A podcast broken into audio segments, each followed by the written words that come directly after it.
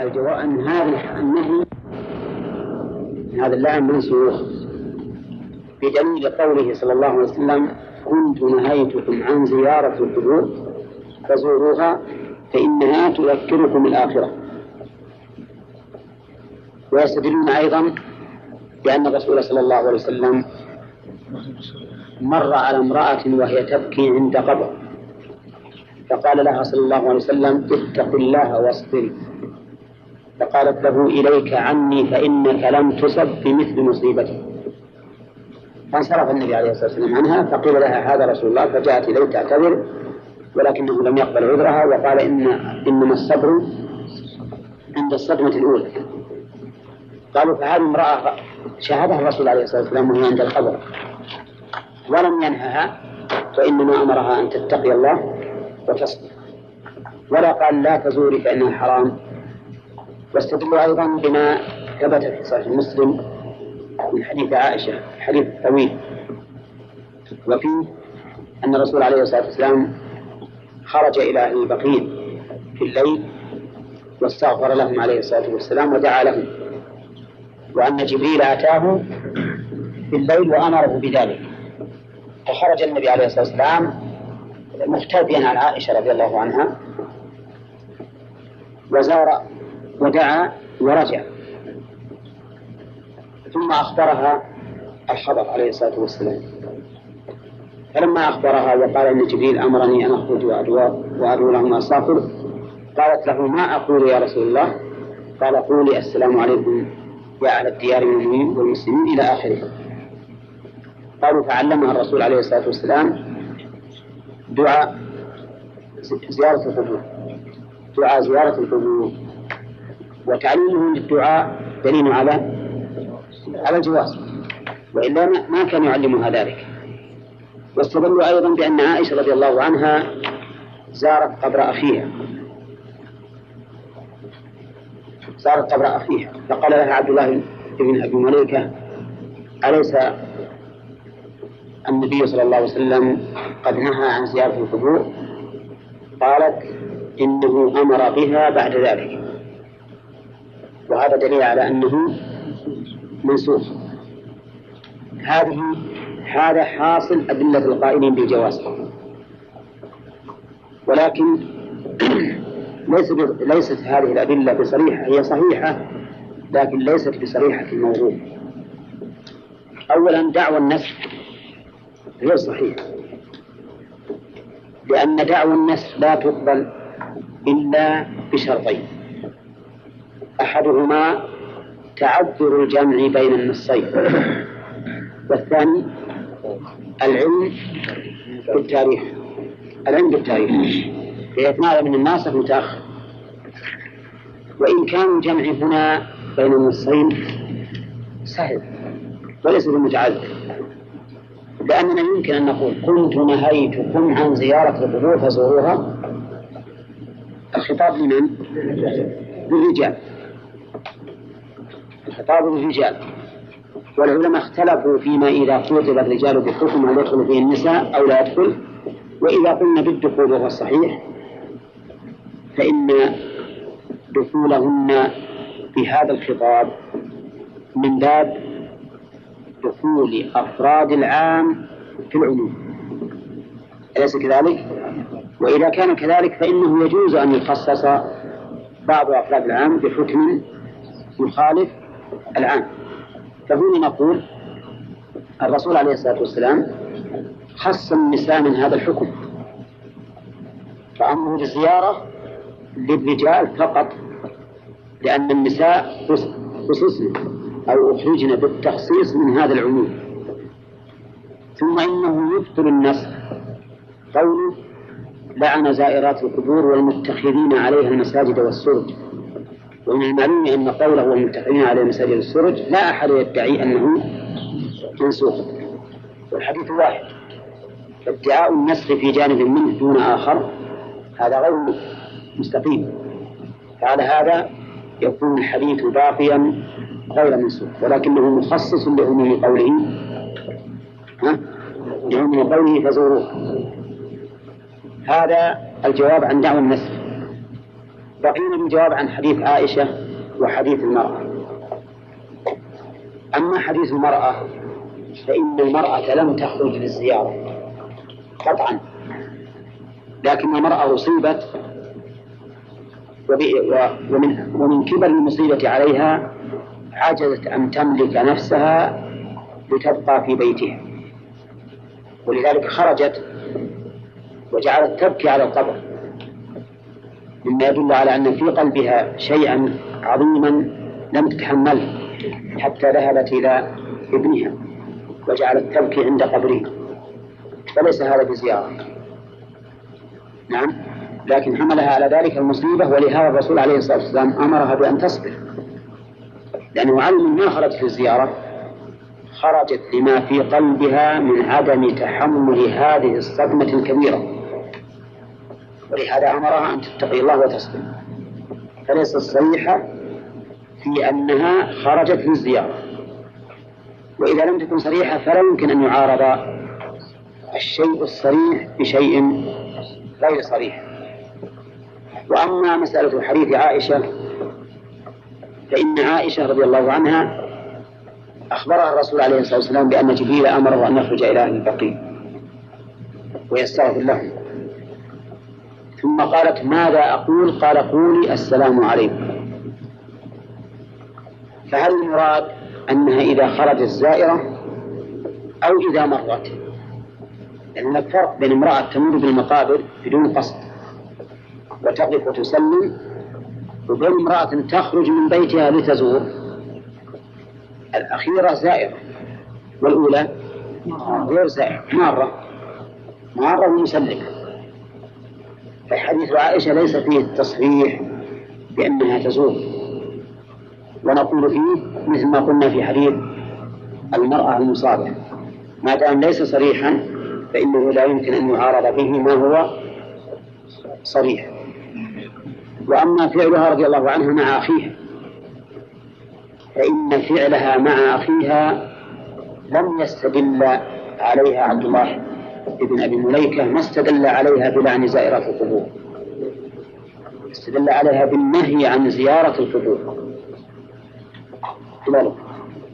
لأنه لو استدل عليها بالنهي عن زيارة النساء القبور أو بلعن زائرة القبور لكنا ننظر ماذا جوابه فهي استدلت عليه بالنهي عن زيارة القبور ومعلوم أن النهي عن زيارة القبور كان خاصا بالنساء ولا عاما؟ كان عاما. ولهذا أجابته بالنسخ العام. قالت إنه قد أمر بذلك.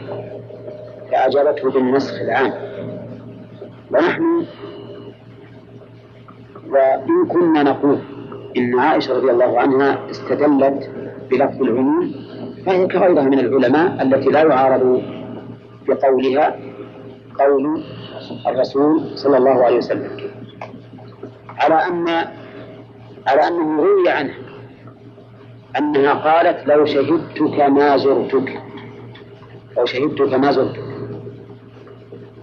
وهذا دليل على أنها رضي الله عنها خرجت لتدعو له لأنها لم تشهد جنازته. لكن هذه الرواية طعن فيها بعض العلماء وقال إنها ما تصح عن عن عائشة رضي الله عنها. لكن نبقى على الرواية الأولى الصحيحة.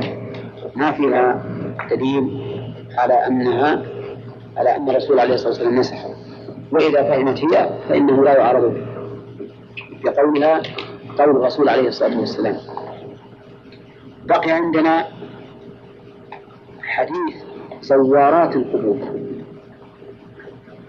ألا يمكن أن نقول إننا نحن النهي عن تكرار الزيارة؟ زوارات لأن زوارات صيغة مبالغة. نعم. نقول هذا ممكن لكننا إذا حملناه على ذلك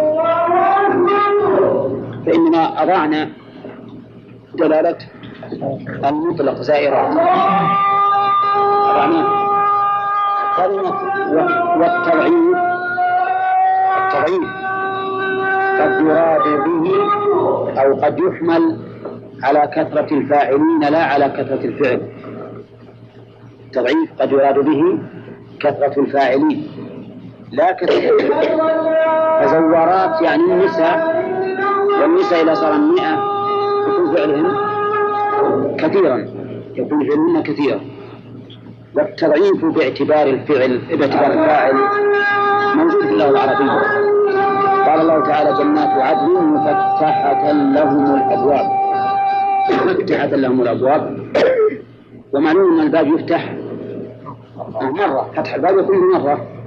لكن لما كانت الأبواب كثيرة صار فيه كل ما عبد من دون الله سواء كان صنم أو قبر أو أي شيء. كل ما عبد من الله فهو وثن. نعم. الثاني تفسير العبادة. ما هي يا رشيد؟ العبادة. هنا تفسير العبادة. الغضب حال كونه من الله طيب من أين تؤخذ يا حسين؟ من تؤخذ؟ اشتد على تمام السادسة وهي طيب في أيضا آه، إثبات الغضب ولا لا؟ نعم في إثبات الغضب لله وأنه حقيقة لكنه كغيره من صفات الأفعال التي نعرف المعنى فيها ولا نعرف إيش؟ الكيفية. نعم. وفيها أنه يتفاوت نعم. كما ثبت أيضا في الحديث الصحيح في حديث الشفاعة إن ربي غضب اليوم غضبا لم يغضب مثله قبله ولا بعده.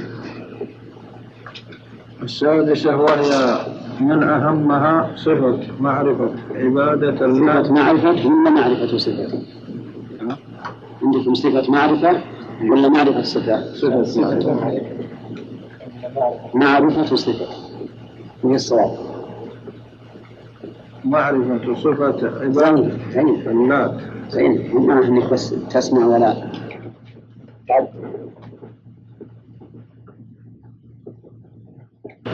وش سويت؟ نعم وش سويت؟ معرفة صفة إيه، وش سويت بأنباء الصح؟ ها؟ بأنباء الصح وش سويت؟ كتاب صفة لا تفهم يقولون علمانا إنه إذا حصل مثل هذا يكتب ميم على الكلمة الأولى وميم على الثانية. ميم سلام. أيوه. يعني مقدم مؤخر. ويبقى الكتاب على ما هي عليه. بس مين؟ ميم على الأولى. وميم على الثانية. الان ابغاها خلاص خلاص بس أنا أعرف هذا. أخسر لا؟ تغير بالكتاب شيء. طيب آه، ما هذه الصفة يا وليد؟ معرفة صفة عباد الله ليس من من ناخذ؟ من ناخذ؟ من ناخذ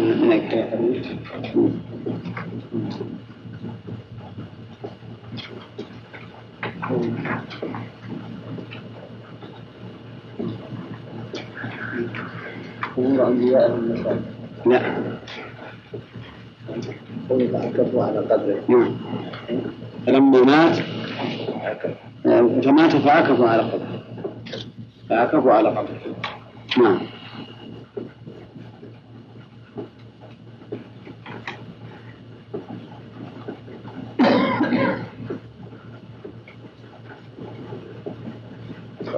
أول أي السادسة وهي من أهمها صفة معرفة صفة عبادة اللات التي هي أكبر الأوثان. لا من أكبر. ها؟ التي عبادة الله التي هي. من من أكبر. هي من أكبر.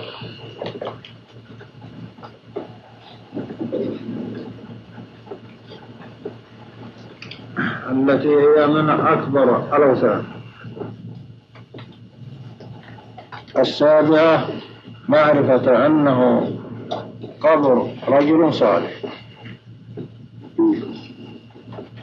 قوله من قوله كان السيوف فلما مات فقال نعم. وقول الظاهر لا؟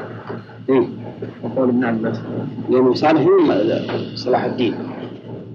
يعني رجل معظم عندهم صالح والغالب انه ما يكون هذا إلا مصلحته الله أعلم. نعم. الثامنة أنه اسم صاحب القبر وذكر معنى تسمية تسميته. التسمية. ذكر التسمية. ذكر معنى التسمية. إيش معناها؟ أنه كان يرد السوء. التاسع لعنه زوارات القبور. معروف. العاشرة. لعن. زائرات شنو قال زوارات؟ الظاهر الشيخ رحمه الله راعى اللفظ الآخر. أتى بالمسألة هنا مراعاة للفظ الآخر. نعم. العاشرة لعنه من أسرجها. لقوله المتقين على المساجد والسرج لعبه ولا لعنته؟ لعنه. أي النبي. لعنته يخر يصل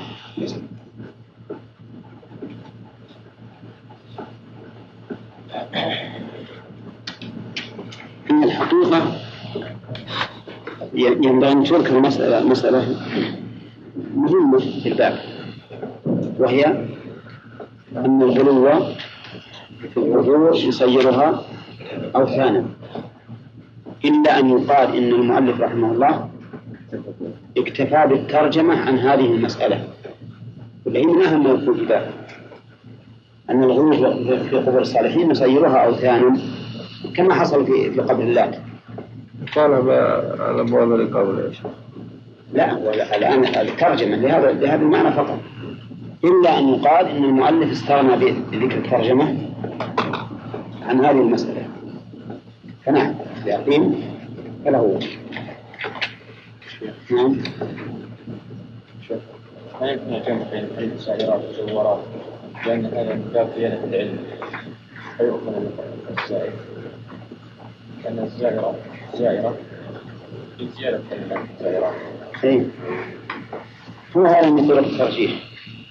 لأن زارت تشمل الزوارة ومن لم تزر إلا مرة فيكون معه زيادة علم فيكون أرجح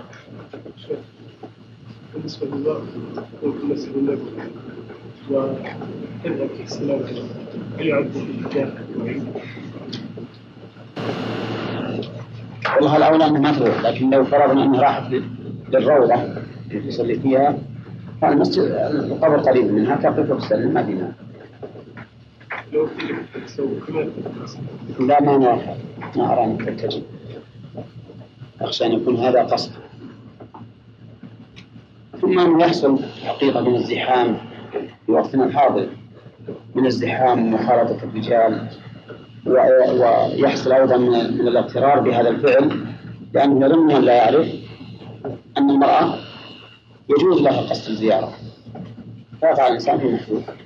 الحمد لله ما دام سيأتينا إن شاء الله. أن تسليم المرء على النبي صلى الله عليه وسلم يبلغه حيث كان. في أي مكان كان يبلغه قال المؤلف رحمه الله باب ما جاء في باب ما جاء في حماية المصطفى صلى الله عليه وسلم جناب التوحيد وسده كل طريق يوصل إلى الشرك. فيها شيخ محتاج محتاج زيارة النساء والقبور نعم. يحتاج إلى تكميل نعم. يحتاج تكميل بس في معرفة ان ان إن ادعاء انها أنه منسوخ انه لا يصح. وأظن ذكرنا في هذا ان المتفقين عليه مساجد والسوق ما زال الحكم باقي مما يدل على انه لم يصح. باب ما جاء في حماية المصطفى المصطفى أصلها المصطفى من الصفوة وهو خيار الشيء. والنبي عليه الصلاة والسلام أفضل المصطفين. لأنه أفضل أولي العزم من الرسل والرسل هم المصطفى المصطفون. والمراد به محمد صلى الله عليه وسلم. وقوله حماية الحماية معناه أن يجعل للشيء حمى أي حرما يمنع من يقرب حوله. ومنه حماية الأرض عن الرعي فيها ونحو ذلك. وقوله جناب التوحيد جناب بمعنى جانب. جناب هنا بمعنى جانب. والتوحيد تفعيل من الوحدة. فمعناه إفراد الله تعالى بما بما يجب له. إفراد الله بما يجب له. هذا التوحيد. بما يجب له من أي شيء؟ من الربوبية والألوهية العبادة. والأسماء والصفات. هذا هو التوحيد. إفراد الله بما يجب له. من عباد من ربوبية أو عبادة أو أسماء وصفات. وقول وسده كل طريق. يعني مع الحماية ما أبقى الأبواب مفتوحة يلج بها يلج إليها من يهرب. ولكنه عليه الصلاة والسلام سد كل طريق يوصل إلى الشرك. لأن الشرك ليس بهين. الشرك أعظم من كبائر الذنوب. كما صح عن ابن مسعود أنه قال لأن أحلف بالله كاذبا أحب إلي من أن أحلف بغيره صادقا. وقال الله تعالى إن الله لا يغفر أن يشرك به ويغفر ما دون ذلك لمن يشاء. قال شيخ الإسلام ابن تيمية الشرك لا يغفر ولو كان أصغر. لعموم قوله أن يشرك به. وعلى هذا فجميع الذنوب دونه. يقول ويغفر ما دون ذلك لمن يشاء فيشمل كبائر الذنوب وصائره. فالشرك ليس بالأمر الهين الذي يتهاون به لأنه يفسد القلب والقصد. وإذا فسد القصد فسد العمل.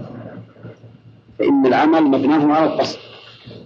لقول النبي صلى الله عليه وسلم إنما الأعمال بالنيات وإنما لكل امرئ ما نوى.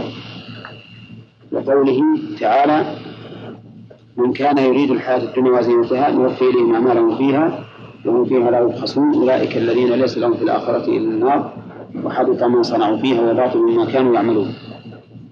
إذا الرسول عليه الصلاة والسلام حمى جانب التوحيد. حماية محكمة وسد كل طريق يوصل إلى الشرك ولو من بعيد. ولو من بعيد لأن من صار على الدرب وصل. والشيطان يزين الإنسان أعمال السوء شيئا فشيئا حتى يصل إلى الغاية. وقول الله تعالى لقد جاءكم رسول من أنفسكم عزيز عليه ما عنتم حريص عليكم بالمؤمنين رؤوف رحيم اللهم صل وسلم لقد جاءكم هذه الجملة مؤكدة بثلاثة مؤكدات وهي القسم واللام وقد وهي مؤكدة لجميع مدخولها جميع مدخولها أنه رسول وأنه من أنفسنا وأنه عزيز عليه ما ما يشق علينا وأنه بالمؤمنين رؤوف رحيم. فالقسم منصب على كل هذه الأوصاف الأربعة في هذا الرسول صلى الله عليه وسلم. لقد جاءكم رسول الخطاب في قوله جاءكم قيل إنه للعرب. لقوله من أنفسكم. فإن الرسول صلى الله عليه وسلم من العرب كما قال تعالى هو الذي بعث في الأميين رسولا منهم. ويحتمل أن يكون عاما للأمة كلها ويكون المراد بالنفس هنا الجنس. الجنس يعني ليس من الجن ليس من الملائكة بل هو من جنسكم. كما قال الله تعالى هو الذي خلقكم من نفس واحدة. خلقكم من نفس واحدة. فعلى التقدير الثاني على الاحتمال الثاني لا إشكال في الآية. وعلى الاحتمال الأول فيها إشكال. لأن الرسول صلى الله عليه وسلم بعث إلى جميع الناس من العرب والعجم. بعث إلى جميع الناس من العرب والعجم. فكيف نجمع بين هذه الآية وبين ما ثبت من عموم رسالته؟ نقول الجواب على ذلك أنه خوطب العرب بهذا لأن منة الله عليهم به أعظم من منة غيرهم حيث كان منهم فإن ذلك تشريف للعرب بلا ريب أن يكون هذا الرسول عليه الصلاة والسلام منهم. فيكون هنا تخصيص العرب بالخطاب لماذا؟ لأن منة الله عليهم به أعظم من منته على غيرهم. نعم. ولكن العموم أولى. لأن الله قال لقد من الله على المؤمنين إذ بعث فيهم رسولا من أنفسهم يتلو عليهم. تبالغ. ولما كان المراد العرب عبر بقوله منهم لا من أنفسهم. قال الله تعالى عن إبراهيم وإسماعيل ربنا وابعث فيهم رسولا منهم وقال هو الذي بعث في الأمين رسولا من أنفسهم. لكن في العموم لقد من الله على المؤمنين عامة المؤمنين عامة. رسولا نعم من أنفسهم يتلو عليهم آياته. ما بعد جينا الكلام عليه؟ عرفتم يا جماعة؟ صار إذن يترجح عندي أن المراد أن الخطاب لمن؟ لا للعموم للعموم لأنه لما أريد العرب قيل منهم كما في آية الجمعة وفي سورة البقرة. ربنا وضع فيهم رسولا منهم. ويدل على العموم لقد من الله على المؤمنين عامة إذ بعث فيهم رسولا من أنفسهم يتلو عليهم آياته.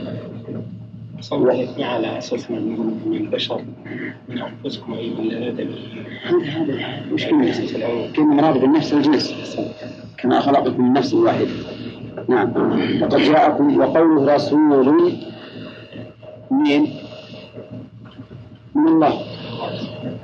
كما قال تعالى رسول من الله يتلو صحفا يفعلون هنا بمعنى مفعل أو مرسل وقوله رسول من أنفسكم تقدم لنا أن المراد من جنسكم.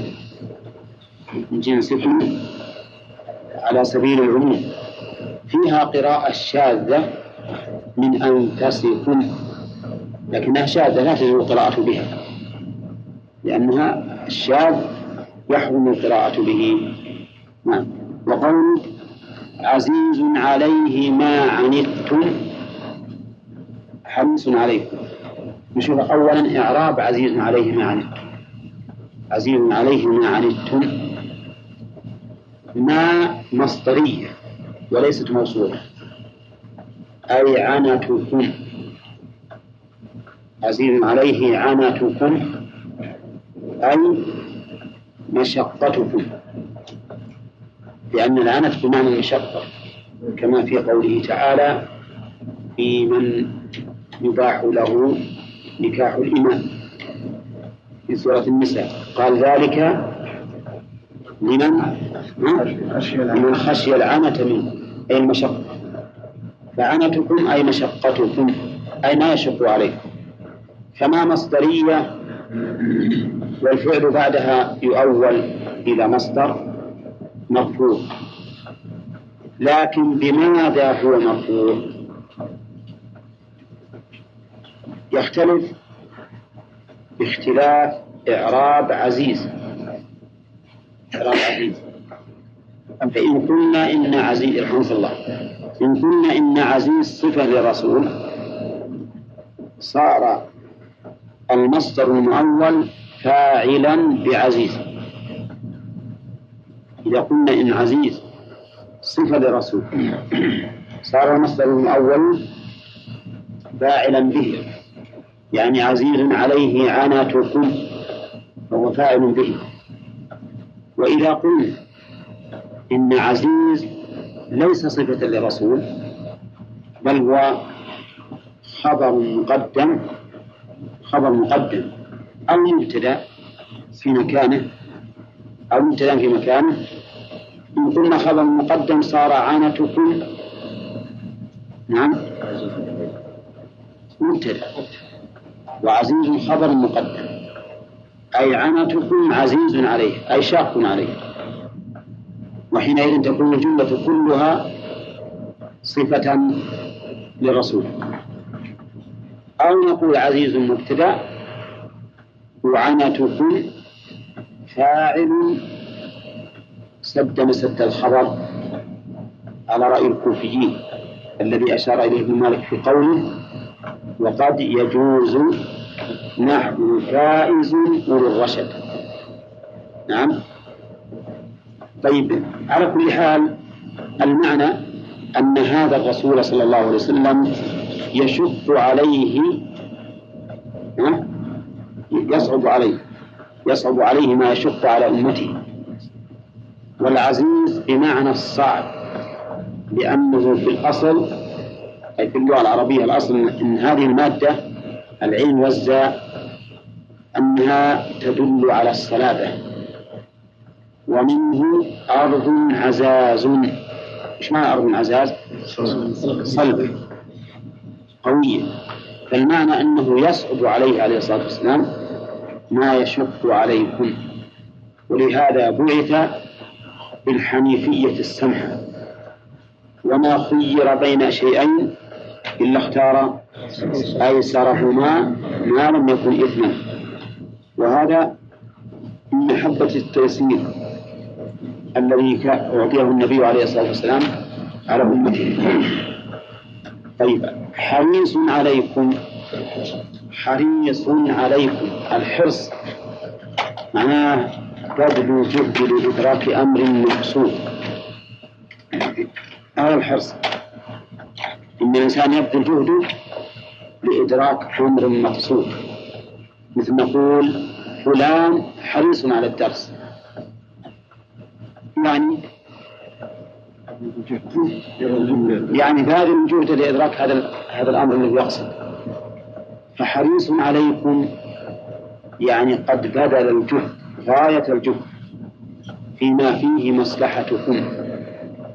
فإذا يكون وصف الرسول صلى الله عليه وسلم جامعا بين أمرين.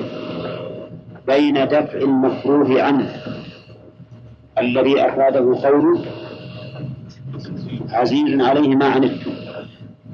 وبين حصول الخير لنا الذي أفاده قوله حريص عليكم.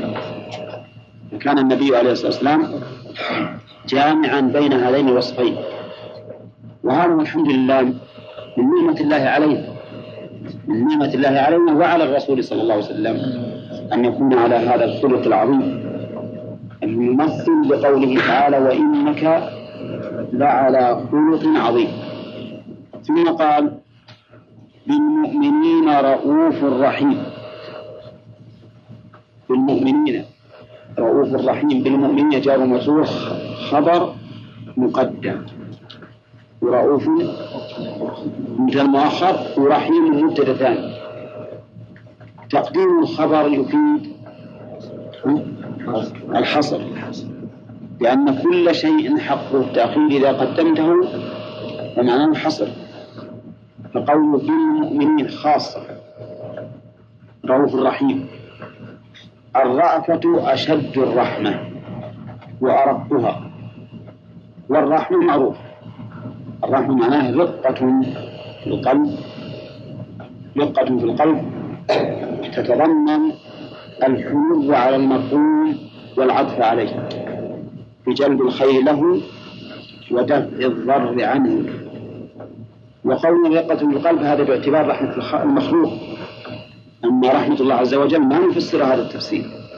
لأن الله ليس كمثله شيء فنقول رحمة الله تعالى صفة تليق به سبحانه وتعالى. وهي أعظم وأعظم من رحمة من رحمة المخلوق. ولا ولا تدانيها رحمة المخلوق ولا تناسبها. ثبت عن النبي عليه الصلاة والسلام أن لله مئة رحمة. وضع منها رحمة واحدة يتراحم بها الخلق. خلقوا إلى يوم القيامة. حتى إن الدابة لترفع حافرها عن ولدها خشية أن تصيبه نعم. وحتى أن الدجاجة على شدة جشعها وجوعها تأخذ بالحبة وتنادي أطفالها حتى تلقيها أمامه فتأكلها. نعم. من يحصي هذه الرحمة التي في الخلائق كلها منذ خلق إلى يوم القيامة. من يحصيها كمية ومن يستطيع أن يقدرها كيفية. ما حد يستطيع إلا الله عز وجل الذي خلقه. الذي خلق الرحمة في خلقه هو الذي يعلم ذلك. رحمة الله هذه هذه رحمة واحدة. فإذا كان يوم القيامة رحم الخلق بتسع وتسعين بتسعة وتسعين رحمة بالإضافة إلى رحمة الأولى. هل هذه الرحمة تدانيها رحمة المخلوق؟ نعم أبدا لا تدانيها. على كل حال أقول أن الرسول صلى الله عليه وسلم بالمؤمنين رؤوف رحيم. والراء قلنا أشد الرحمة وأرقها. والرحمة رقة في القلب تقتضي العطف على المرحوم بجلب الخير له ودفع الضرر عنه. وهذا باعتبار تعريف الرحمة من مخلوق. نعم. القدر المشترك بين بين رحمة الخالق ورحمة المخلوق أنها صفة تقتضي الإحسان إلى المرحوم هذا قول المشترك. نعم. لا لا إذا قلنا صفة تقتضي. ما قلنا هي الإحسان نفسه ما قلنا إنها هي الإحسان نفسه. أما لو قلنا هي الإحسان نفسه صار تفسير باللازم. لكن نقول إنها صفة تقتضي كذا وكذا. لكن ما نستطيع أن نعرف كونها أو كيفيتها. بلى. المعنى المراد هي هي هذه الصفة التي تقتضي العطف والإحسان. هذه الرحمة. الآن نفس الرحمة اللي في أنفسنا. ما نستطيع أن نفسرها ما نعرفها إلا بآثارها. هذه الرقة اللي في قلبك لو أقول لك فسر هذه رقة وش وش الرقة؟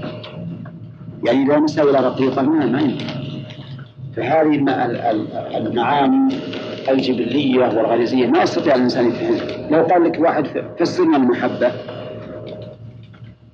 فسر الكراهة. أسألكم الآن هل أنتم تستطيعون أن يعرفوا المحبة؟ وش المحبة؟ أبدا ما ما تعرف إلا بآثارها ولهذا كل من فسر المحبة ما فسر إلا بآثارها لأنها صفة نفسية ما يستطيع الإنسان يعبر عنها. الخوف وش هو الخوف؟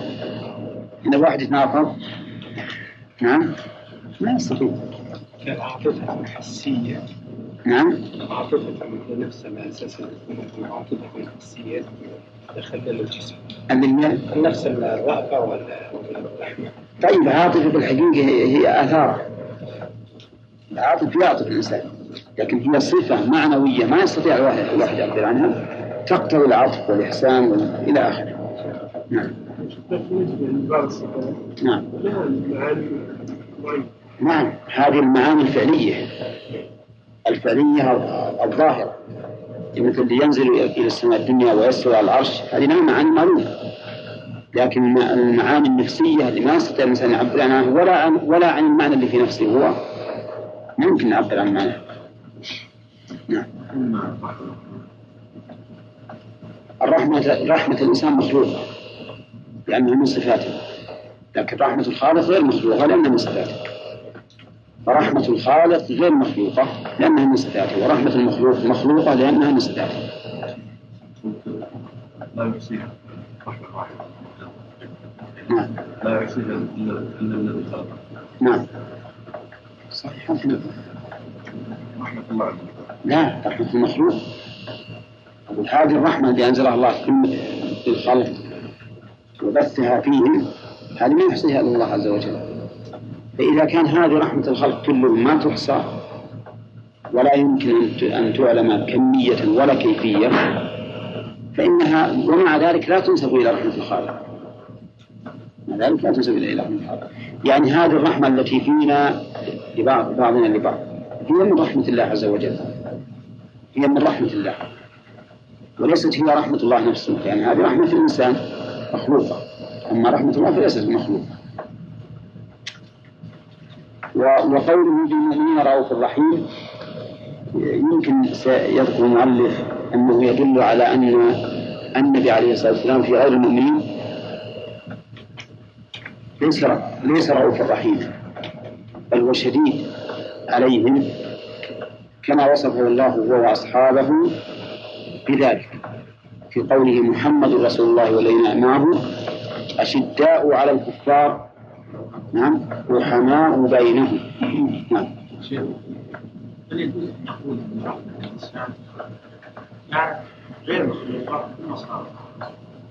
الانسان ما مخلوقات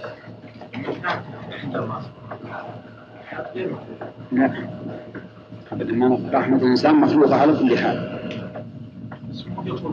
لأنها من صفاته. وضع منها مئة في يترحم يترحم بها الخلائق.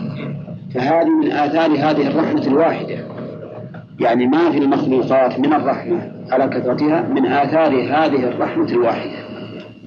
وليست هي رحمة الله نفسه نفسها ما يمكن هذا. ورحمة الله سبحانه وتعالى من صفاته.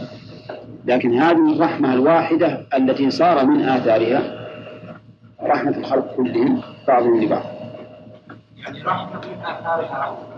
هذه الرحمة اللي فينا ونتراحم بها هي من آثار رحمة الله. مثل من آثار رحمة الله مثلا هو على الأرض بعد موتها وما أشبه ذلك. هذه من آثار الرحمة. لماذا يقول أهمية رحمة وضع رحمة الله إيه، وضع منها يعني بالآثار. تجعل يعني رحم الله الخلق. رحم الله الخلق بهذه الرحمة الواحدة حتى صاروا يتراحمون راحة الرحمة دي باقية لا إذا كان يوم القيامة تكون مع مع 99 تكون مع 99 فيحصل رحمة أعظم هنا. لو خليكم على علم إن صفات الخالق ما يمكن أن تنفصل عنه إلى مخلوق. أبدا. لأننا لو قلنا بهذا لقلنا بحلول صفات الخالق في المخلوق. وهذا أمر لا يمكن أن يكون. وصفات الخالق يتصف بها وحده وصفات المخلوق يتصف بها لكن صفات الخالق لها آثار تظهر في المخلوق. هذه الآثار هي هذه الرحمة التي التي نحن نتراحم بها هي من آثار رحمة الله عز وجل. قال وعن أبي هريرة رضي الله عنه كيف؟ لا هي الآية ما قال آيتين الآيتين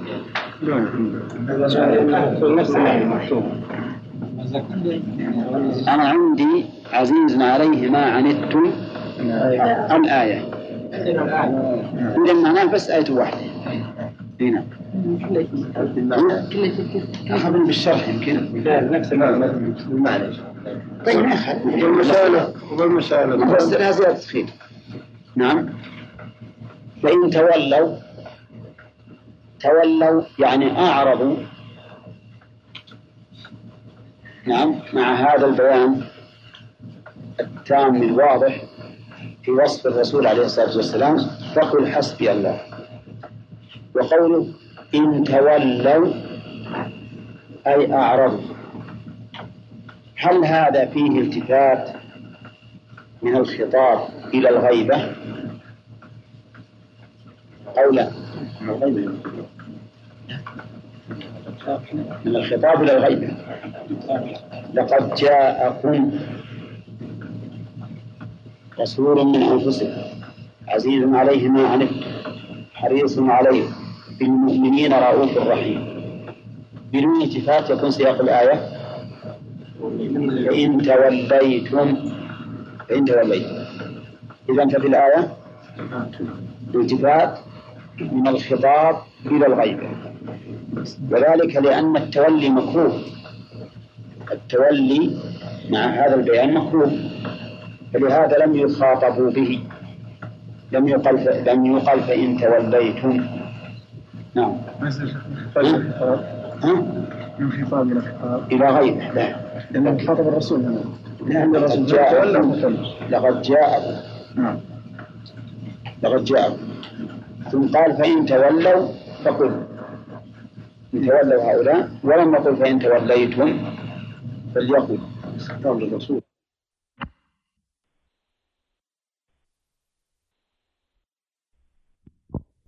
البلاغيون يسمونه التفاتا. ولو قيل بأنه انتقال لكان أحسن. لكان أحسن. طيب لا فإن تولوا فقل حسبي الله لا إله إلا هو عليه توكلت. الخطاب هنا للرسول عليه الصلاة والسلام. فقل يعني يا محمد معتمدا على الله متوكل عليه معتصما به حسبي الله. ولا يهمنك إعراضهم. وهنا ارتباط الجواب بالشرط واضح. يعني إن أعرضوا فلا يهمنك. فقل بلسانك وقلبك. ها؟ حسبي الله. حسبي خبر مقدم. والله مبتدا مؤخر. نعم هذا هو الأحسن ويجوز العكس. يجوز أن نجعل حسبي مبتدا والله خبر. لكن لما كانت حسب نكرة ما تتعرف بالإضافة كان الأولى أن نجعلها هي الخبر. نعم. طيب وقوله حسبي الله. لا إله إلا هو. أي لا معبود حق. حقيق بالعبادة سوى الله عز وجل. عليه توكلت. عليه جار متعلق بتوكلت. وقدم لماذا؟ للحصر. قدم للحصر. طيب. ما معنى توكلت؟ تقدم لنا أن التوكل هو الاعتماد على الله مع الثقة به. الاعتماد على الله في جلب المنافع ودفع المضار مع الثقة به. نعم. وقوله عليه توكلت مع قوله لا إله إلا هو فيها جمع بين العبودية والربوبية. والله تعالى دائما يجمع بين هذين الأمرين إياك نعبد وإياك نستعين. فاعبده وتوكل عليه. هنا حسبي الله لا إله إلا هو عليه توكلت. وقول الله هو رب العرش العظيم. الضمير في قوله وهو يعود إلى الله سبحانه وتعالى. ورب العرش أي خالقه وإضافته إلى العرش إضافة ربوبية العرش هنا وإن كانت ربوبية ربوبية الله عامة لأجل الفضل والاختصاص. فإن ربوبيته للعرش ليست كربوبيته لغيره. كما أن ربوبيته لموسى وهارون ليست كربوبيته للعالمين جميعا. وإنما أضاف الربوبية العرش للاختصاص. بأن الله تعالى خلق السماوات والأرض في ستة أيام ثم استوى على العرش وذكر العرش هنا بإثبات علو الله على الخلق. فأنا اعتمدت على من لا فوقه من, من لا شيء فوقه وهو رب العرش والعرش أعلى المخلوقات. فمناسبة التوكل هنا لقوله رب العرش ظاهرة. لأن من كان فوق كل شيء ولا شيء فوقه فإنه لا أحد يغلبه لا أحد يغلبه. وقوله العرش فسره بعض الناس بالكرسي ثم فسروا الكرسي بالعلم. وحينئذ لا يكون هناك لا كرسي ولا عرش. على هذا التفسير الباطل؟ معناه لا كرسي ولا عرش. إذا قلنا العرش هو الكرسي والكرسي هو العلم ما صار ثم كرسي ولا عرش. والصحيح أن العرش غير الكرسي وأن الكرسي غير العلم. ولا يصح تفسيره بالعلم. بل الكرسي مخلوق من مخلوقات الله العظيمة الذي وسع السماوات والأرض. والعرش أعظم وأعظم. أعظم منه وأعظم. ولهذا وصف الله العرش بأنه عظيم. وهو رب العرش العظيم. وبأنه مجيد. في قوله ذو العرش المجيد. وبأنه كريم. لا إله إلا هو رب العرش الكريم. لأنه عظيم. أعظم المخلوقات التي بلغنا علمها. لأنه أعظم المخلوقات وأعلاها. لأن الله استوى عليه. وقولها العرش العظيم. العظيم في دليل على أن كلمة العظيم يوصف بها المخلوق. لأن العرش مخلوق ولا لا؟ مخلوق. فيوصف المخلوق بالعظيم ويوصف بالحكيم وقال فلان الحكيم مثلا. ويوصف بالرحيم ويوصف بالرؤوف كما في هذه الآية. فهنا قال وكان بالمؤمنين رؤوف الرحيم وقال الله تعالى وكان بالمؤمنين رحيم. ولا يلزم من اتفاق الاسمين اتفاق المسميين. يعني لا تقل إذا كان الإنسان سميعا بصيرا رؤوفا رحيما. لازم أن يكون مثل خالق. لأن الله قال لأن الله سميع بصير عليم. يقول لا لازم. كما أن وجود الباري سبحانه وتعالى لا يستلزم أن تكون ذاته كذوات الخلق. فإن أسماءه كذلك لا يستلزم أن تكون أن أن تكون كأسماء الخلق. هناك فرق عظيم بين هذا وهذا. وقوله فقل حسبي الله قل. قلنا إنه باللسان نعم وبالقلب.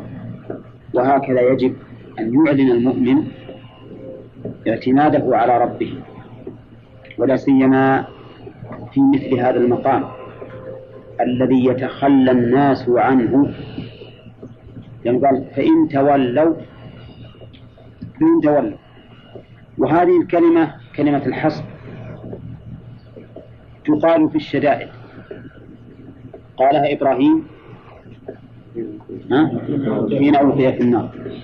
وقالها النبي صلى الله عليه وسلم وأصحابه حين قيل لهم إن الناس قد جمعوا لكم فاخشوهم. فزادهم إيمانا وقالوا حسبنا الله ونعم الوكيل. نعم. نعم. وأصحابه أجمعين.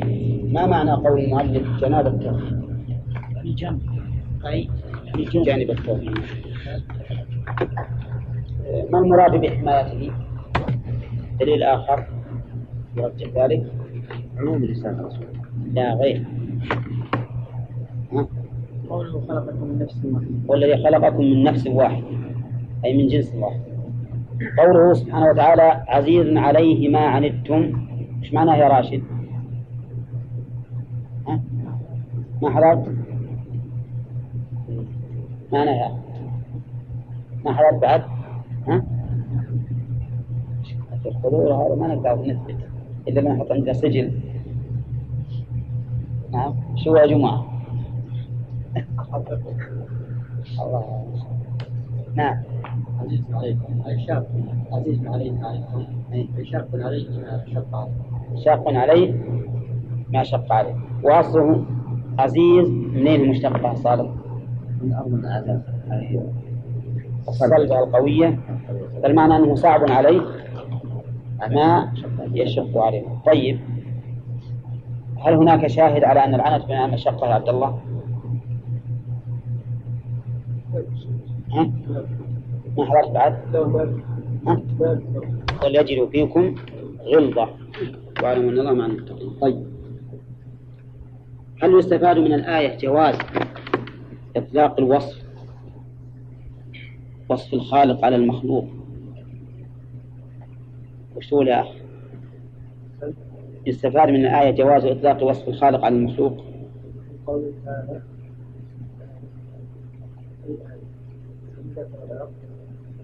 لا لا جواز إطلاق وصف الخالق على المخلوق. ها؟ ما في دليل. ما في الآية دليل. أي ما أظنك ما حضرت. آه. طيب. من يجيب؟ غانم. بالمؤمنين رؤوف رحيم. هل لها نظير في القرآن بالنسبة لله؟ اي نعم. مثل؟ وكان بالمؤمنين. وكان؟ لا. إلا. وكان الله غفورا وكان بالمؤمنين رحيما. ما فيها رؤوف؟ رحيما. طيب. إذا نحتاج إلى الفارق بين الخالق والمخلوق في هذه المسألة. نقول الاشتراك في اللفظ لا يلزم الاشتراك في الحقيقة كيفية في هذا السبب قد تشترك الخالق والمخلوق في الألفاظ في ألفاظ الصفات. وأما في الحقائق فهي متباينة. يعني مطلق المعنى أو أصل المعنى؟ اشترك. لا مانع من الاشتراك لأن المعنى عام. نعم. لكن كون هذا المخلوق له ما يختص به والخالق سبحانه وتعالى له ما يختص به من هنا يفترقان نعم أليس كذلك؟ طيب ولهذا نقول الوجود يشترك فيه الخالق والمخلوق أليس كذلك؟ والحياة والعلم والقدرة لكن يختلفون اختلافا بين كثير كبيرا بالنسبة لحقائق هذه المعاني قوله أظن هذا انتهينا. بالنسبة من أنفسكم نعم آخر وهم قريش. لا لأن الآية هو الذي بعث في الأميين رسولا منهم عام بعضهم قال من أنفسكم قرئ بهذا ولكنها قراءة شاذة فعلى هذا إذا إذا صحت يكون المعنى من بني هاشم لأنهم هم أنفس العرب. الراجح هنا من الجنس. الر- الراجح أنه من الجنس نعم. إذا جاءت من أنفسكم هو المراد الجنس. يجوز إطلاق المخلوق مثل؟ بإطلاق كل أسماء الخالق لا فيها أشياء تختص بالخالق ما يمكن تضع المخلوق. مثل الرحمن ورب العالمين والقيوم وما أشبه في شيء ما, ما تجد المخلوق. وعن أبي هريرة رضي الله عنه قال قال رسول الله صلى الله عليه وسلم لا تتخذوا بيوتكم قبورا. لا تجعلوا؟ أي نعم صح لا تجعلوا بيوتكم قبورا. لا تجعلوا الجملة هنا نهي. فلا ناهية وتجعل فعل مضارع مجزوم بلا الناهية وعلم جزمه. حذف النون والواو فاعل. وقول بيوتكم جمع بيت وهو مقر الإنسان وسكنه. سواء كان ذلك من بناء طين أو خيمة أو ما أشبه ذلك. ولكن غالبا ما يراد به الطين والحجارة. وقول قبورا هذه مفعول ثاني تجعل وهذه الجملة اختلف في معناها فمنهم من قال معناها لا تجعلوها بيوتا أي لا تدفنوا فيها. لا تدفنوا فيها. وهذا لا شك أنه ظاهر اللفظ. ولكنه أورد على ذلك دفن الرسول عليه الصلاة والسلام في بيته. وأجيب عنه بأن ذلك من خصائصه صلى الله عليه وسلم. وقال بعض العلماء المراد لا تجعلوا بيوتكم قبورا أي لا تجعل لا تجعلوها مثل المقبرة مثل القبور. لا تصلون فيها. لا تصلون فيها. وذلك لأنه من المتقرر عندهم أن المقابر لا يصلى فيها. وأيدوا هذا التفسير بأنه سبقها جملة في بعض الطرق. اجعلوا من صلاتكم في بيوتكم ولا تجعلوها قبورا. اجعلوا من صلاتكم في بيوتكم ولا تجعلوها قبورا. وهذا يدل على أن المراد لا تدعوا الصلاة فيها. وكلا المعنيين صحيح لأنه ما يجوز أن الإنسان أن يدفن في بيته بل يدفن مع المسلمين. لأن هذه هي العادة المتبعة منذ عهد النبي عليه الصلاة والسلام إلى اليوم. ولأنه إذا دفن في بيته فإنه ربما يكون ذلك وسيلة إلى الشرك. ربما يعظم هذا المكان ويحترم وإذا انهدم البيت يبنون عليه وهكذا. ولأنه يضيق على الورثة من بعده. أليس كذلك؟ لأنه بيحجز هذا المكان. فيسأمون منه وربما يستوحشون وربما إذا باعوه لا يساوي شيء شيئا إلا قليلا. ولأنه قد يحدث عنده من الصخب واللغب واللغو والأفعال المحرمة ما يتنافى مع مقصود الشارع. فإن الرسول عليه الصلاة والسلام يقول زوروا القبور فإنها تذكركم الآخرة. ومعلوم أن هذا القبر في البيت إذا أهله هم ليسوا صامدين عما يريدون من اللغو وغيره وحينئذ يتنافى مع مقصود الشرع في في هذا. وأما أن المعنى لا لا تتخذوها قبور لا تجعلوها قبورا أي مثل القبور في عدم الصلاة فيها فهو دليل على أنه ينبغي إن لم نقل يجب أن يجعل الإنسان من صلاته في بيته أن يجعل من صلاته في بيته ولا يخليه من الصلاة. وفيه أيضا دليل على أنه من المتقرر عندهم أن المقبرة لا يصلى فيها. فيكون إذن يكون هذا النهي عن عن ترك الصلاة في القبور لئلا تشبه عن في البيوت لئلا تشبه المقابر. يكون فيه دليل واضح على أن المقابر ليست محلا للصلاة وهذا هو الشاهد من هذه الجملة للباب. لأن اتخاذ المقابر مساجد لا شك أنه سبب قريب جدا لأي شيء للشرك. واتخاذها مساجد سبق لنا أن له صورتين. الصورة الأولى أن يبني عليها مسجدا والثانية أن يتخذها مصلى يقصدها ليصلي فيها. والجملة هذه تفيد بأن الأفضل أن يجعل الإنسان من صلاته في بيته. فمن هنا للتبعيض فما هو البعض الذي أراده النبي عليه الصلاة والسلام؟ هو النافلة لقول النبي صلى الله عليه وسلم أفضل صلاة المرء في بيته إلا المكتوبة. إلا المكتوبة. فهذا دليل على أن جميع النوافل ينبغي أن تصلى في البيت. إلا ما ورد الشرع بأن يكون في المسجد كصلاة الكسوف على القول باستحبابها وقيام الليل قيام الليل في رمضان فهذا الأفضل في البيت في المسجد. وإلا فالأفضل البيت. حتى لو كنت في مسجد النبي صلى الله عليه وسلم.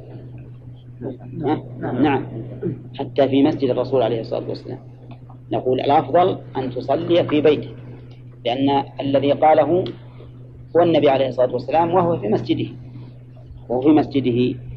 وبعض الناس يحب أن يصلي في مسجد الرسول عليه الصلاة والسلام النوافل كلها. لأجل أن يدرك مضاعفة الأجر لكننا نقول أن الرسول عليه الصلاة والسلام بين لنا أن الصلاة في المسجد أفضل في البيت أفضل. وعليه يكون معنى المفاضلة في هذه المساجد ما سبق لنا ذكره وهو أنك إذا صليت في هذا المسجد فهو أفضل من غيره من المساجد. نعم؟ بكذا وكذا. ثم عاد متى يطلب منك أن تصلي؟ ينبني على النصوص الأخرى. ينبني على النصوص الأخرى. فعليه تكون صلاة الجماعة الفرائض.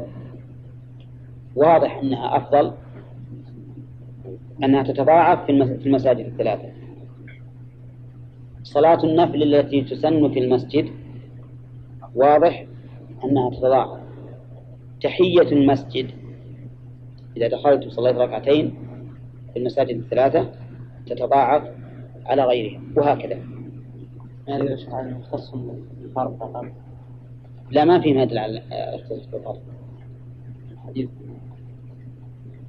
صلاة المرأة في بيت لا لأن الأشياء المشروعة في المسجد المسجد ولو كانت غير فريضة هي أفضل. مثل تحية المسجد ومثل صلاة القيام في رمضان؟ مثل صلاة الكسوف على قدر استحبابها؟ نعم. قدوم من السفر. والقدوم من السفر. خير نعم. عليه السلام.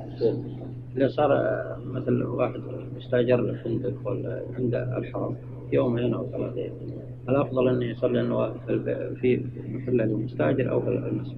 في محله المستأجر يدخل في إيه هو بيته. بالنسبة للمرأة المرأة. صلاتها في القيام هل فرض في البيت في مصر؟ والله ظاهر الأدلة أنها في بيتها أفضل. ظاهر الأدلة أنه في بيتها أفضل إلا إذا كان هناك سبب مثل أن يكون أنشط لها وأقوم لصلاتها فلا بأس. بالنسبة للنهي على صلاة المقبرة يشمل حتى صلاة الجنازة لا. لا ما يشبه هنا. وهذه ينبغي أنها, أنها تستثنى وهي معلومة. صلاة الجنازة لا تدخل في النهي عن عن الصلاة في المقابر لأنه ثبت عن النبي عليه الصلاة والسلام أنه صلى على القبر. ثبت أنه صلى على القبر. نعم.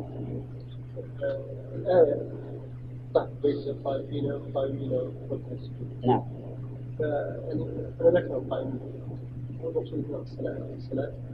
القائمين في الصلاة. القيام في الصلاة. القائمين في صلاة. لا ما هي بالقيام يعني قيام الليل مثلا؟ لا ما ما. قال ولا تجعلوا قبري عيدا. ولا تجعلوا قبري عيدا. قبر النبي عليه الصلاة والسلام هو في بيته عليه الصلاة والسلام دفن فيه لسببين سبق ذكرهما. السبب الأول ما روي عن أبي بكر رضي الله عنه أنه سمع النبي عليه الصلاة والسلام يقول ما من ميت ما من نبي يموت إلا دفن حيث قبر. وهذا بعض العلماء ضعفه. والثاني ما ذكرته عائشة أنه خشي أن يتخذ مسجدا عليكم السلام. أنه خشي أن يتخذ مسجدا. لكن يقول لا تجعلوا قبري عيدا.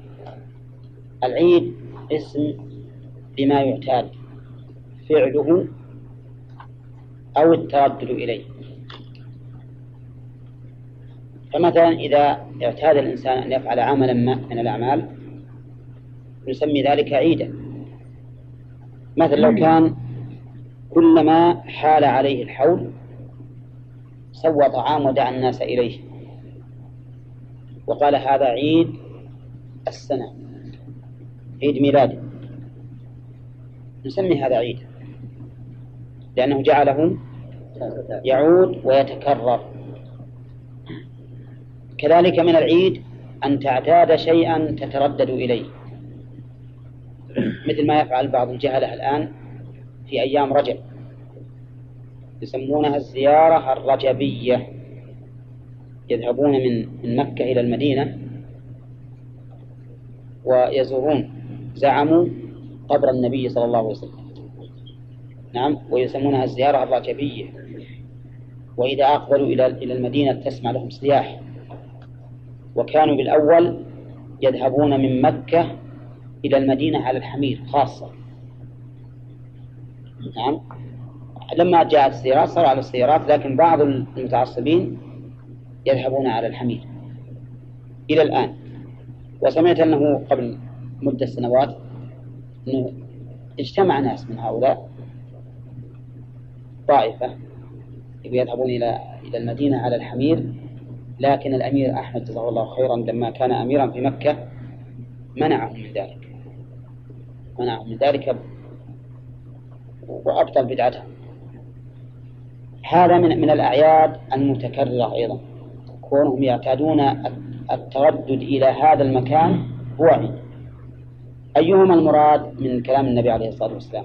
الأول يعني العمل الذي يتكرر بتكرر العام أو المكان التردد إلى المكان. الظاهر هذا يعني معناه لا تترددوا على قبر وتعتادوا ذلك. سواء قيدوه بالسنة أو بالشهر أو بالأسبوع. فإن الرسول عليه الصلاة والسلام نهى عن ذلك وإنما يزار قبره لسبب كما لو قدم الإنسان من سفر فذهب إلى قبره وزاره أو ذهب إلى قبره لتذكر الآخرة كغيره من القبور. أما أن يجعل معتاد كما يفعلون أيضا في مدينة كلما صلوا الفجر كثير منهم ذهبوا إلى النبي عليه الصلاة والسلام إلى قبره من أجل السلام عليه. فيعتادون هذا كل صباح. يظنون أن هذا مثل أن هذا مثل زيارته في حياته. وما علموا أنهم إذا سلموا عليه في أي مكان فإن تسليمه يبلغه عليه الصلاة والسلام. تسليمهم يبلغه. لكن هذا من الجهل الكثير. قال وصلوا علي فإن صلاتكم تبلغني حيث كنتم. صلوا علي هذا أمر. صلوا علي أي يقولوا اللهم صل على محمد. اللهم صل على محمد. وهذا أمر وقد أمر الله بذلك بقوله تعالى إن الله وملائكته يصلون على النبي يا أيها الذين آمنوا صلوا عليه وسلموا تسليما. وفضل الصلاة على النبي عليه الصلاة والسلام معروف. ومن أفضله أن من صلى عليه مرة واحدة صلى الله عليه بها عشرا والصلاة من الله على رسوله ليس معناها كما قال بعض أهل العلم إن الصلاة من الله الرحمة. فإن هذا ليس بصحيح. بعض العلماء قال الصلاة من الآدميين الدعاء. ومن الملائكة الاستغفار ومن الله الرحمة. هذا ليس بصحيح. بل إن صلاة الله على المرء معناها ثناؤه عليه في الملأ الأعلى كما قال أبو العالية وتبعه على ذلك المحققون من أهل العلم. ويدل على بطلان القول الأول قوله تعالى أولئك عليهم صلوات من ربهم ورحمة. صلوات ورحمة. والأصل في العطف المغايرة. إذا بالنسبة ها؟ بالنسبة صلاة الله أما صلاة الآدميين الدعاء والملائكة لا. الصلاة من الآدميين يعني معناه إذا قالوا اللهم صل على محمد فمعناه أنهم يسألون الله أن يثني عليه في الملأ الأعلى. يعني يدعون الله صحيح يدعون الله أن يثني عليه في الملأ الأعلى. إذا أنت إذا قلت اللهم صل على محمد أثنى الله عليك في الملأ الأعلى كم من مرة؟ عشر مرات. الله نعمة كبيرة نعمة كبيرة أن الله يثني عليك عند ملائكته عشر مرات إذا صليت على نبيه صلوات الله وسلامه عليه. نعم. قال وقول فإن صلاتكم تبلغني حيث كنتم حيث ظرف. أولى مبنية على الضم. في محل نصب ويقال فيها حيث إيش بعد؟ وحوث وحاث لكنها قليلة هذه حيث كنتم كيف تبلغه؟ كيف تبلغ؟ نقول إذا جاء مثل هذا النص وهو من أمور الغيب فإن الواجب علينا أن نقول الكيف مجهول. يعني بأي وسيلة تبلغه ما ندري. لكن قد ورد عن النبي عليه الصلاة والسلام أن لله ملائكة سياحين يسيحون في الأرض يبلغون النبي صلى الله عليه وسلم سلام أمته عليه. فإذا صح هذا فهذه هي الكيفية. هذه هي الكيفية. وقد يقال إن صلاته تبلغ إن صلاتهم عليه تبلغ حيث كان هو ما يجده عليه الصلاة والسلام من قبول الله تعالى لهذه الصلاة فإن هذا لا شك زيادة في في عمل النبي في حسنات النبي صلى الله عليه وسلم. هذا زيادة في حسناته. فربما يقال أيضا هذا من الكيفية. تبلغه أي يعلم بها بزيادة حسناته فيها. رواه أبو داود بإسناد حسن. ورواته ثقات. رواه أبو داود بإسناد حسن ورواته ثقات. ما رأيكم من الناحية الاصطلاحية في مثل هذا التعبير؟ هل هناك تناقض بين حسن وثقات؟ الذي ينبغي أن يكون صحيح.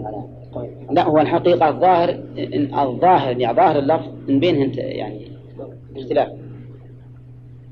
ولكننا نعرف أن الحسن هو أن يكون الراوي خفيف الضبط. خفيف الضبط. معناه أنه فيه نوع من الثقة. فيه نوع من الثقة. فيجمع بين كلام المؤلف رحمه الله وبين ما ذكره عن رواية أبي داود حسن أن المراد بالثقات ليس غاية الثقة ليس غاية الثقة لأنه لو بلغ إلى حد الثقة الغاية لكان صحيحا لأن لأن ثقة الراوي تعود على تحقق الوصفين فيه وهما العدالة والضبط العدالة والضبط فإذا خف الضبط خفت الثقة فيه كما إذا خفت العدالة أيضا يخف تخف الثقة فيه. فيجمع بينهما بأن المراد مطلق الثقات. مطلق الثقات. ولكنه لا شك فيما أرى أنه إذا أعقب قوله حسن برواته ثقات أنه أعلى مما إذا اقتصر على لفظ حسن. نعم؟ أعلى مما إذا اقتصر على لفظ حسن. ومثل هذا ما يعبر به ابن حجر في تقريب التهذيب. يقول مثلا صدوق يهم. صدوق يهم. وأحيانا يقول صدوق. أيهن أقوى؟ صدوق أقوى. صدوق أقوى. فيكون توثيق الرجل الموصوف بصدوق أشد من توثيق الرجل الذي يوصف بأنه يهم لا يقول قائل إن كلمة يهم لا تزيده ضعفا لأنه ما من إنسان إلا ويهم. نقول هذا لا يصح. لأن لأن قولهم يهم لا يعنون به الوهم الذي لا يخلو منه أحد. ولولا أن هناك غلبة في أوهامه ما وصفوه بها. ما وصفوه بها. نعم. قوله رواه أبو داود. نعم. بإسناد الحسن هذه الجملة عند الشيخ أم داود؟ لا الظاهر أنه بإسناد حسن من الشيخ. كله من الشيخ هنا.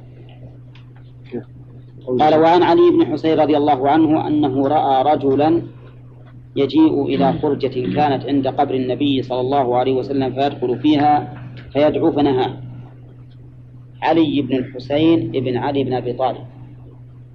هذا من أفضل أهل البيت علما وزهدا وفقها أيضا. ويسمى زين العابدين. زين العابدين. أما الحسين فمعروف. هو ابن فاطمة رضي الله عنها وأبوه علي بن أبي طالب. يقول رأى رجلا يجيء إلى فرجة كانت عند قبر النبي صلى الله عليه وسلم فيدخل فيها فيدعو فنهاه. هذا الرجل لا شك أنه ما صار يتكرر مجيئه إلى هذه الفرجة إلا وهو يعتقد أن فيها فضلا ومزية. وهذا لا شك أنه وسيلة إلى الشرك. كونه يظن أن الدعاء عند القبر له مزية هذا فتح باب إلى الشرك. بل جميع العبادات لا يجوز أن نعتقد بأن لها مزية إذا كانت عند القبر سواء كانت دعاء أم صلاة أم صدقة أم قراءة قرآن. ولهذا نقول تكره القراءة عند القبر إذا كان الإنسان يعتقد أن القراءة عند القبر أفضل. قال فنهاه وقال ألا أحدثكم حديثا. ألا أحدثكم كيف أحدثكم وهو واحد؟ هو الظاهر. ظاهر فيه جماعة. أنه رضي الله عنه كان مثلا عند أصحابه يحدثهم. فجاء هذا الرجل وصار يدخل. ألا أحدثكم حديثا سمعته؟ ألا أداة استفتاح ولا عرض؟ أداة عرض. ولهذا قال ألا أحدثه؟ يعني أعرض عليكم التحديث فهي أداة عرض وفائدتها تنبيه المخاطب تنبيه المخاطب إلى ما يريد أن يحدثه به. سمعته عن أبي عن جد أبوه من؟ الحسين. عن جده علي بن أبي طالب عن رسول الله صلى الله عليه وسلم. السند متصل ولا لا؟ ها؟ متصل. طيب فيه عن عن. آه نعم ليس مدلس. ما تضر العن عن غير مدلس؟ تحمل على السماع قال عن رسول الله صلى الله عليه وسلم قال لا تتخذوا قبري عيدا. كما سبق في الحديث السابق. أن الله يتخذ قبره عيدا يعتاد ويتكرر إليه لأن هذا وسيلة إلى أن يشرك به. ولا بيوتكم قبورا. كاللفظ الأول. وفيه احتمالان. أحدهما أن لا تدفنوا فيها والثاني أن لا تدعوا الصلاة فيها. وصلوا علي فإن تسليمكم يبلغني حيث كنتم. والله عندنا هكذا ونبي نشوف أنا أشك في صحتها لأن قوله صلوا علي فإن تسليمكم. يقتضي أن يقال فإن صلاتكم. تبلغني اللهم إلا أن يقال إن هذا من باب الطي والنشر. المعنى صلوا علي وسلموا فإن تسليمكم وصلاتكم. يكون كأنه ذكر الفعلين والعلتين. لكن حذف من الأولى ما دلت عليه الثانية ومن الثانية ما دلت عليه الأولى. يحتمل هذا. وقوله وصلوا علي هي كقوله فيما سبق. نعم صلوا علي. المراد في أي مكان كنتم صلوا عليه ما حاجة إلى أنكم تجون وتسلمون عند القبر أو تصلوا عند القبر. فإن صلاة فإن تسليمكم يبلغني حيث كنتم. ها؟ لعندي حيث كنتم والأول حيث كنتم كلنا حيث كنتم. في المتن أو ها؟ أينما وفي الشرح أين؟ أين كنتم؟ وفي المتن أين؟ وفي متننا حيث كنتم. نعم المعنى واحد. آه قوله يبلغني تقدم كيف يبلغه عليه الصلاة والسلام؟ رواه في المختارة. رواه من الفاعل؟ صاحب المختار. أي مؤلف, مؤلف المختارة في المختارة معروف. إذا رواه في المختارة أو رواه في البخاري فالمراد نفس المؤلف. وقول في المختارة هذا اسم للكتاب يعني الأحاديث المختارة مختارة. وهذا الرجل عبد الغني رحمه الله مقدسي من الحنابلة. وما أقل الحديث في الحنابلة. يعني المحدثين من أغرب ما يكون. أصحاب الإمام أحمد أقل الناس تحديثا بالنسبة للشافعية. يعني أكثر علماء الحديث وكذلك علماء التفسير تجدهم من الشافعية. الحنابلة غلب عليهم رحمهم الله الفقه مع الحديث فصاروا محدثين وفقهاء. ولكنهم تعرفون الإنسان بشر. إذا أخذ من هذا العلم صار ذلك زحاما بالعلم الآخر. أما الأحناف فإنهم أخذوا بالفقه لكن قلت بضاعتهم في الحديث. ولهذا يسمون أصحاب الرأي أصحاب الرأي يعني العقل والقياس لقلة الأحاديث. عندهم عندهم أحاديث هم خليل في الشافعية هم أكثر الناس عناية بالحديث والتفسير. ثم المالكية ما أدري عنهم ثم الحنابلة وسط وأقلهم في ذلك الأحناف. مع أن مع أن لهم كتب. أنفسكم عزيز عليه ما وسبق تفسيرها كاملة ثاني يقول إبعاده صلى الله عليه وسلم أمته عن هذا الحمى غاية البعد. من أين تؤخذ؟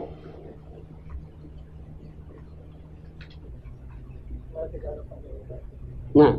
من قوله لا تجعلوا بيوتكم قبورا ولا تجعلوا قبري عيدا ثانيا ذكر حرصه علينا ورأفته ورحمته. وهذا مذكور في إيش؟ في الآية. الرابعة نهيه عن زيارة قبره على وجه مخصوص مع أن زيارته من أفضل الأعمال. من قوله ولا تجعلوا قبري عيدا. هذا كونه عيدا هذا الذي على وجه المخصوص أما مجرد زيارته فليس هذا من اتخاذه عيدا. الخامسة يقول نهيه. نعم. نعم. من الأفضل الأعمال من جنسها قصد من أفضل الأعمال من جنسها. يعني أفضل ما يزار من القبور قبر النبي صلى الله عليه وسلم. على إيش؟ على إي نعم. لأن حقه أعظم من حق غيره. والزيارة فيها آه، سلام على المزور ودعاء له. وحق النبي عليه الصلاة والسلام أعظم من غيره. أما من حيث التذكير بالآخرة فلا فرق بين قبره وقبر غيره. الخامسة نهيه عن الإكثار عن الزيارة. ها؟ نعم نهيه عن الإكثار من الزيارة. من أين تؤخذ؟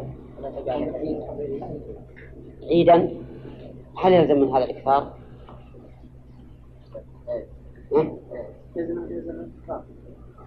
هذه هي التكرار. هل يلزم من اتخاذه عيدا من يكرر؟ طيب ما هذا كلما جاءت المناسبة جاء. وهل يلزم الإكثار؟ ما يلزم لأنه قد لا يأتي إلا بعد السنة. قد لا يأتي إلا بعد السنة. لكنه يقال حتى لو لم يأتي إلا بعد السنة فإنه فيه نوع من الإكثار الملتزم. فيه نوع من الإكثار الملتزم.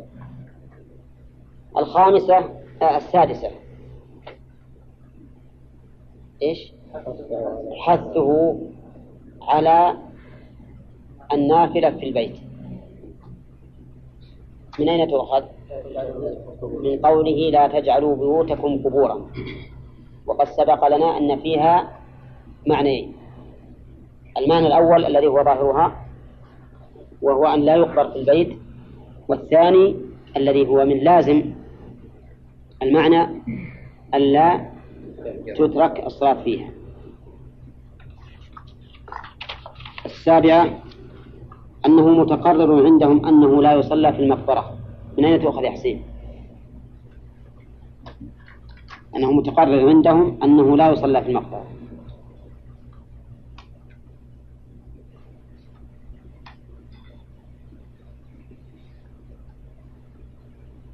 منين نأخذ من الأحاديث؟ لا تجعلوا بيوتكم قبورا لأن معنى لا تجعلوا فيها أي لا تتركوا الصلاة فيها على أحد الوجهين. فكأنه من متقرر عندهم أن المقابر لا يصلى فيها. الثامنة تعليل ذلك بأن صلاة الرجل وسلامه عليه يبلغه وإن بعد فلا حاجة إلى ما يتوهمه من أراد القرب. يعني كونه نهى عليه الصلاة والسلام أن يجعل قبره عيدا العلة في ذلك؟ أن الصلاة تبلغه حيثما كان الإنسان. فإذا لا حاجة إلى أن تأتي إلى قبره. ولهذا نحن نسلم عليه هنا فيبلغه السلام. نصلي عليه هنا فيبلغه الصلاة. ولو كنا في أبعد من ذلك لبلغه. ولهذا قال علي بن الحسين ما أنت ومن في الأندلس إلا سواء. الثامنة التاسعة كونه صلى الله عليه وسلم في البرزخ تعرض عليه أعمال أمته في الصلاة والسلام عليه فقط. مو كل الأعمال تعرض عليه أعمال أمته في الصلاة والسلام عليه. كل من صلى عليه أو سلم عرضت عليه أعمال أمته. يؤخذ من قوله فإن تسليمكم يبلغني حيث كنتم. ثم قال المؤلف رحمه الله باب ما جاء أن بعض هذه الأمة عندكم تعبد ولا يعبد؟ تعبد. وفي بعض النسخ يعبد. فعلى قراءة يعبد ما فيه إشكال لأن بعض مذكر. وعلى قراءة تعبد فإنه داخل في قول مالك وربما أكسب ثاني أولا تأنيثا. لكنه هناك قال إن كان لحذف موهلا فإذا صحت النسخة تعبد فهذا التأنيث اكتسبه المضاف من المضاف إليه. وقوله الأوثان جمع وثن وسبق لنا تعريفه بأنه كل ما عبد من دون الله فهو وثن. وقول المؤلف أن بعض هذه الأمة يعني لا كل هذه الأمة لأن هذه الأمة فيها طائفة لا تزال منصورة على الحق إلى قيام الساعة فليس كلها تعبد الأصنام لكنه سيأتي في آخر الزمان ريح تقبض تقبض نفس كل مؤمن فلا يبقى إلا شرار الناس. وإنما أتى المؤلف رحمه الله بهذا بهذه الترجمة لأن بعض السفهاء والجهال قالوا إن الشرك لا يمكن أن يقع في هذه الأمة. وأنكروا أن تكون عبادة القبور والأولياء من الشرك. لأن هذه الأمة نعم معصومة منه. هكذا زعم بعض الجهال الذين يدافعون عن عبادة